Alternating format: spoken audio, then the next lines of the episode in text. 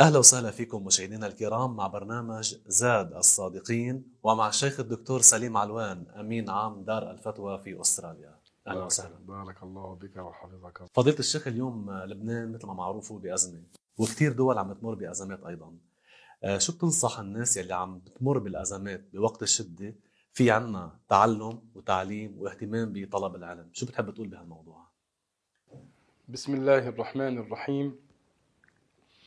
الحمد لله رب العالمين والصلاة والسلام الأتمان الأكملان على سيدنا ومولانا محمد سيد ولد عدنان وعلى آله وصحبه الطيبين الطاهرين.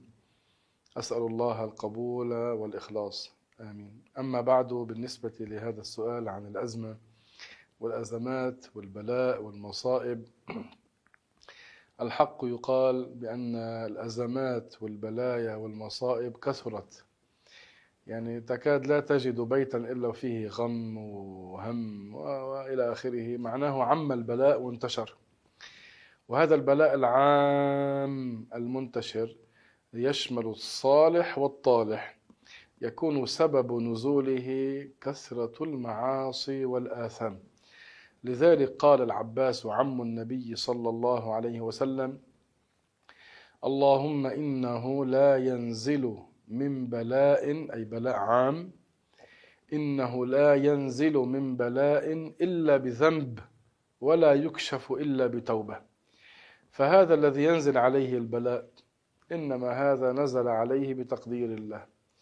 وهذا اختبار من الله تبارك وتعالى لهذا العبد المبتلى.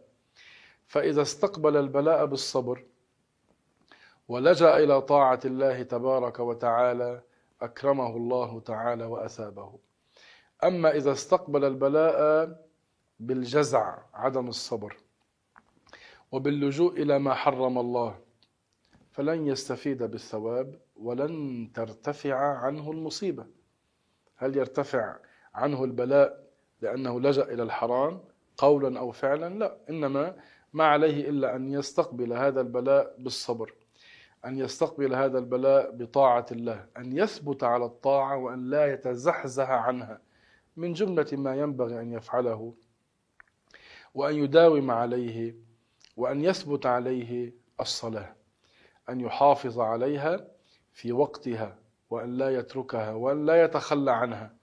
كذلك من جملة ما ينبغي أن يحافظ عليه وأن يداوم عليه هو طلب علم الدين. وأن لا يشبع من تعلم علم الدين وأن لا يشبع من تعليم الناس الخير.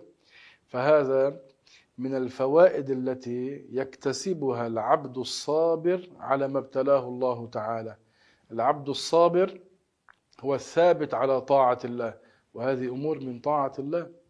ثم اللجوء إلى طاعة الله عند الأزمات وعند الازدياد من البلاء علامة خير أن يلجأ إلى طاعة الله.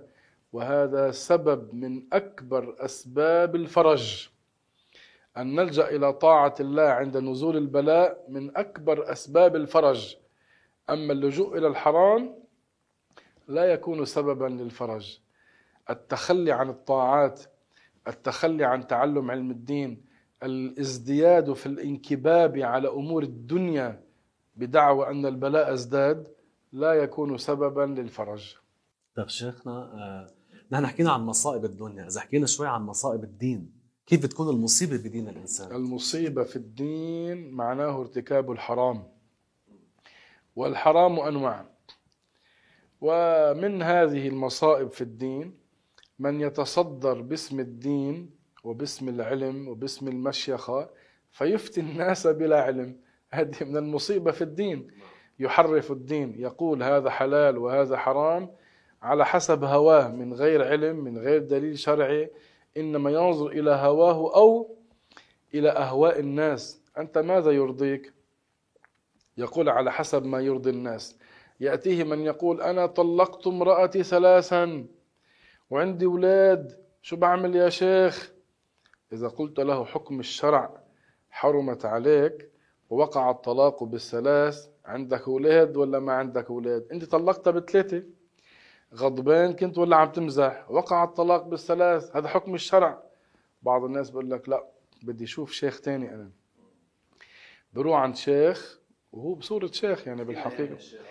فتي لنا إياها بقول له هديك حطها برقبتي وحطها بدمتي وما بقى تعيدها خدها على البحر شوية حط شوية ميل بالجارور ورجعها وما بقى تعيدها يا ابني. بيجي لعندك شو بيقول؟ الله أكبر أنا شفت شيخ قوي كتير شيخ مودرن. هذا الشيخ هو حلل لي أنتم ما قدرتوا تحلل لي إياها. وفي الحقيقة ذاك الشيخ اللي هو بصورة شيخ في الحقيقة من سماسرة النار من سماسرة جهنم. يدله على معصية الله تبارك وتعالى. هيدي بتقول عنا من المصائب في الدين. وقد كثرت. وهذا مثال من أمثلة كثيرة. لما الناس تأتي تستفتي تريد من هو مؤهل لأن يفتيهم. تريد من هو مؤهل للفتوى ليقول بحق هذا حلال أو هذا حرام. لكن للأسف عم يروحوا عند كثير من أشباه المشايخ بصور المشايخ وعم يفتوهم بغير علم. أنا بقول لك لأنه هذا الزمن كثر فيه الفساد وكثرت فيه الفتن كثرت فيه الفتن والغش. حتى نعرف كلياتنا عم كل الطبقات. يعني في المهندسين ستجد مثل ذلك. في الأطباء ستجد مثل ذلك. في الأساتذة ستجد مثل ذلك. في التجار كذلك. في المشايخ كذلك. كل الطبقات دخلها الغش والفساد والكذب إلا من رحم الله تبارك وتعالى. شيخنا هول اللي بيطولوا اللحية وبيحكوا بتعاليم الدين ولكن بخلاف ما هو الشرع. بيعلموا الناس التطرف. أليس هذا من المصائب في الدين أيضا؟ هذا من مصيبة في الدين. هذا بدلنا على أنه لا ينبغي منا أن نغتر بالشكل. تربية اللحية شيء حلو بس أن اغتنموها وجعلوها فرصة أو شيء يستغلونه ليفتنوا الناس. والنبي أرشدنا وبحب أذكر الحديث الشريف في هذا المجال. هذا حديث صحيح في صحيح البخاري وفي غيره. كان النبي يخاطب بعض أصحابه ويخبرهم عن أناس يأتون بعده. يحقر أحدكم صلاته إلى صلاتهم وصيامه إلى صيامهم. يعني أولئك الذين سيأتون من بعدي هذه فرقة جماعة ستظهر بعد الرسول وقد ظهرت من حيث الشكل تكثر من الصور العبادات من الصلاة والصيام. حتى إن الواحد من الصحابة بقلل من شأن عباداته عددا بالنسبة لعدد صور عبادات تلك الفرقة. إنه أنا بصلي عدد اللي بصليهم أقل من عدد اللي هن صورة بصلوهن. هذا معناته يحقر أحدكم صلاته إلى صلاتهم وصيامه إلى صيامهم. ثم قال ولئن أدركتهم لأقتلنهم قتل عاد. أخبر أنهم يقرؤون القرآن ولا يجاوز حناجرهم. معناه هؤلاء من حيث الشكل من حيث الصورة بغروا الناس. الجاهل ينظر إليهم فيقول هؤلاء عباد هؤلاء نساك هؤلاء علماء هؤلاء قدوة لنا. وفي الحقيقة هؤلاء قلوبهم عقائدهم أفكارهم أقوالهم تخالف ما جاء به النبي صلى الله عليه وسلم. هذا معناه لا ينبغي أن نغتر بالصور والأشكال. شيخنا كيف نميز بين المعتدلين وبين المتطرفين بالدين؟ التمسك بالقرآن الكريم وبالسنة النبوية هو رمز الاعتدال رأس الاعتدال. فالذي يتعلم علم الدين يعرف أن هذا في القرآن وهذا في الحديث سيعرف أن ما يخالفه هو ليس اعتدالا. فهؤلاء ما يدعون إليه إلى قتل الأبرياء وتفجير الباصات والقطارات والمطارات تفجير هؤلاء الأبرياء. هذا ليس من دين الإسلام. الإسلام ما جاء بهذا. هؤلاء بيستعملوا شعارات مثل فيها حماسة لهؤلاء الشباب وهؤلاء الشباب ما عندهم تمكن في الدين. تغلب عليهم الحماسة. فبيستعملوا هالشعارات الرنانة بدنا نحكم بالقرآن. لكن في ميزان الشرع أقوال وأفعال واعتقادات تخالف القرآن. الحذر ثم الحذر. واعلموا جميعا أن الإسلام دين عدل واعتدال. يدعو إلى الخير يدعو إلى محبة الخير للغير. من شأن المسلم الصالح أن يحب الخير لغيره. أن يحب الخير للمسلم وأن يحب الخير لغير المسلم. هذه من صفات المسلم الكامل. أعاننا الله وإياكم على ذلك. شكرا لشيخ الدكتور سليم علوان على الاستضافة.